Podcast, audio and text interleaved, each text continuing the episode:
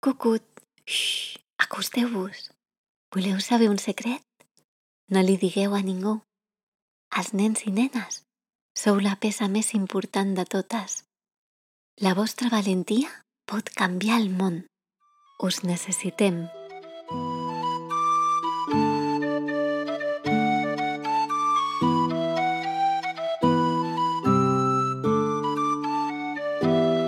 Cucut, com esteu? Soc la Becky. Benvinguts a Contes, Faules i Llegendes. Poseu-vos còmodes, agafeu fort el peluig, al papa o a la mama i prepareu-vos, que comencem. Avui farem un super especial on explicarem un conte ideat pel nostre fill gran i escrit entre tota la família. Aquest conte té lloc al bosc que surt a tots els contes. Esperem que us agradi molt. El títol d'aquest conte és El llop encantat.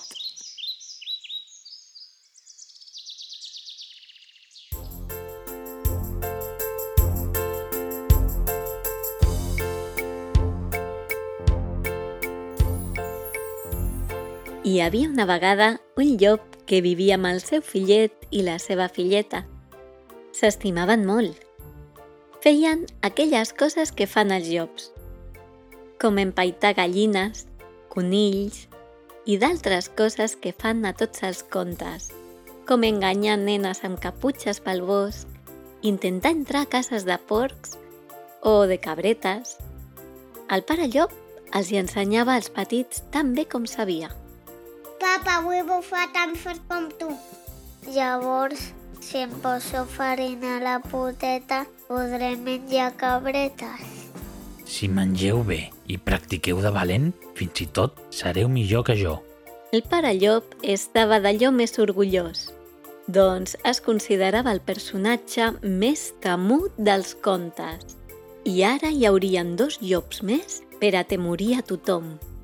Però ben endins del bosc, en una petita caseta una mica trotinada, hi vivia una bruixa que també es creia la més temuda dels contes.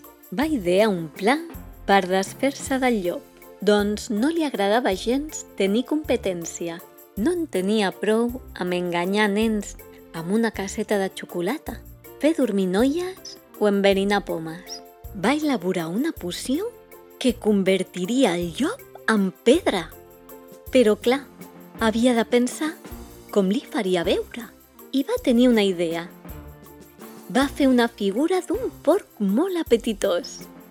El deixaria a la nit a prop de casa del llop i pel matí, quan el llop sortís per a buscar l'esmorzar, veuria el porc de mentida, es tiraria a sobre i al mossegar-lo la poció faria el seu efecte. La jugada li va sortir molt bé, doncs el llop va veure el fals porquet, es va tirar a sobre i li va fer una mossegada per tal de portar-lo a casa. I en aquell moment se'n va donar que no era de veritat. Però ja era tard. Va notar que cada vegada li costava més moure's, fins que va quedar totalment petrificat. La bruixa, que ho veia tot darrere un arbre, va riure i va dir Ara et col·locaré de decoració un racó de casa meva i allà et quedaràs. I jo seré la única dolenta dels contes. La bruixa va allargar el seu dit lleig i ossut i el va portar amb un encanteri flotant cap a casa seva. Els petits llops es preguntaven on estaria el seu pare. S'estranyaven que el seu pare no hagués tornat. No creien que li hagués passat res, doncs sabien que tothom el tenia por, així que van sortir de casa amb valentia per anar a buscar-lo. Segur que és a prop. Mira, això què és? Un bord de mentida. Hem de seguir les pistes per veure on arribem. Sento una olor fastigosa. Porta per aquell caminet. Anem! Van seguir les petjades i l'olor, i al cap d'una estona de ficar-se ben endins del bosc, van veure una petita caseta tan destartalada que fins i tot ells, sent petits, amb una bufada, podrien tirar-la al terra.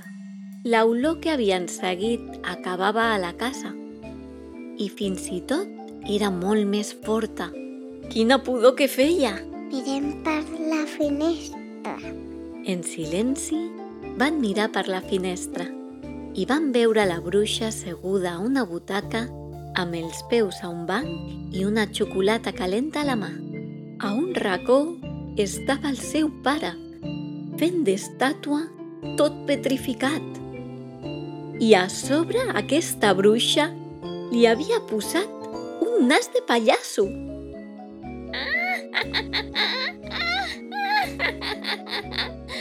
Ara que tinc aquell llop petrificat com a decoració a casa meva, ningú em farà ombra. I jo? Jo seré la única dolenta que surti a tots els contes. Els germans es van mirar i van dir Hem de salvar-lo. La bruixa estava preparant una olla d'estofat a la llar de foc.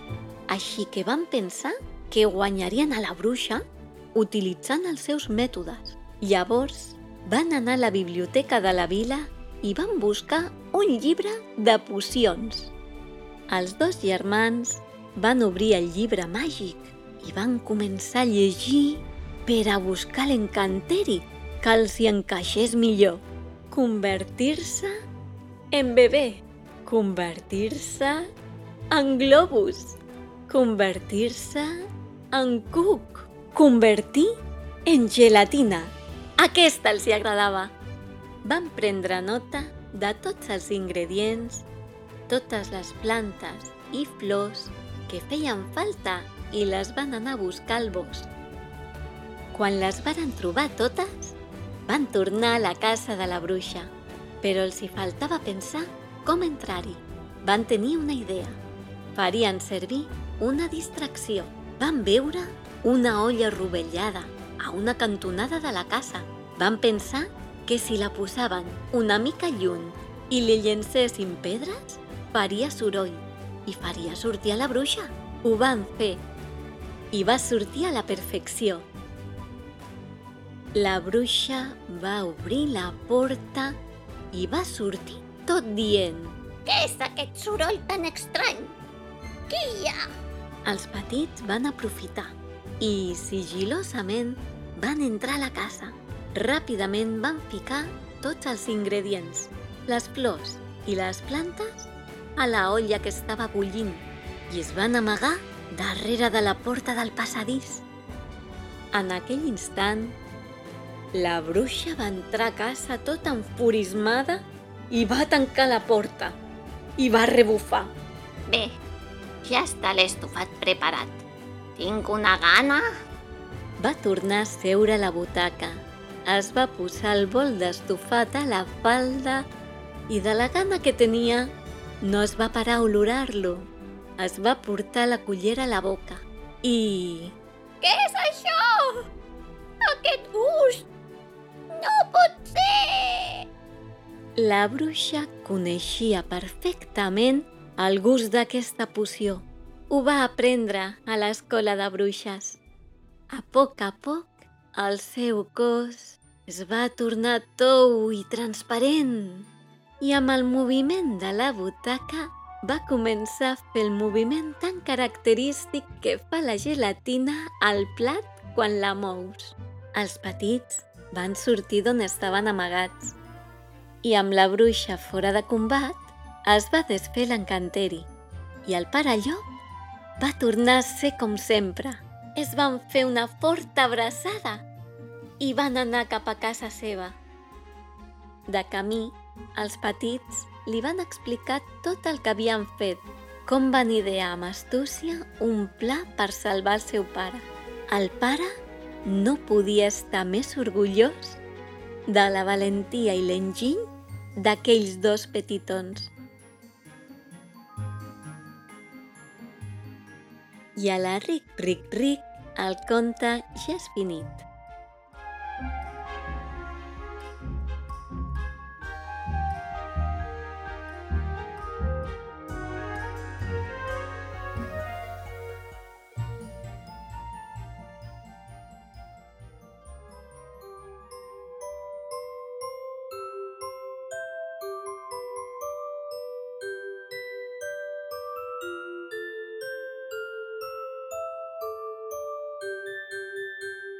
Com podeu veure, els nens i les nenes sou valents i valentes.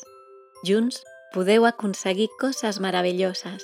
La vostra astúcia i la vostra imaginació són les eines per fer un món millor. Aquest ha estat el capítol especial d'avui.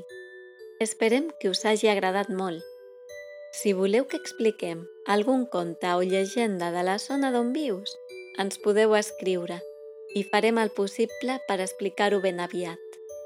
Ens posarem molt contents si us subscriviu a aquest podcast. Així us podrem avisar quan fem un altre. I no oblideu compartir-ho si us ha agradat. Us esperem als nostres perfils d'Instagram i Twitter que teniu a la descripció. Ens trobem en un altre conte i, com sempre, seguiu somiant.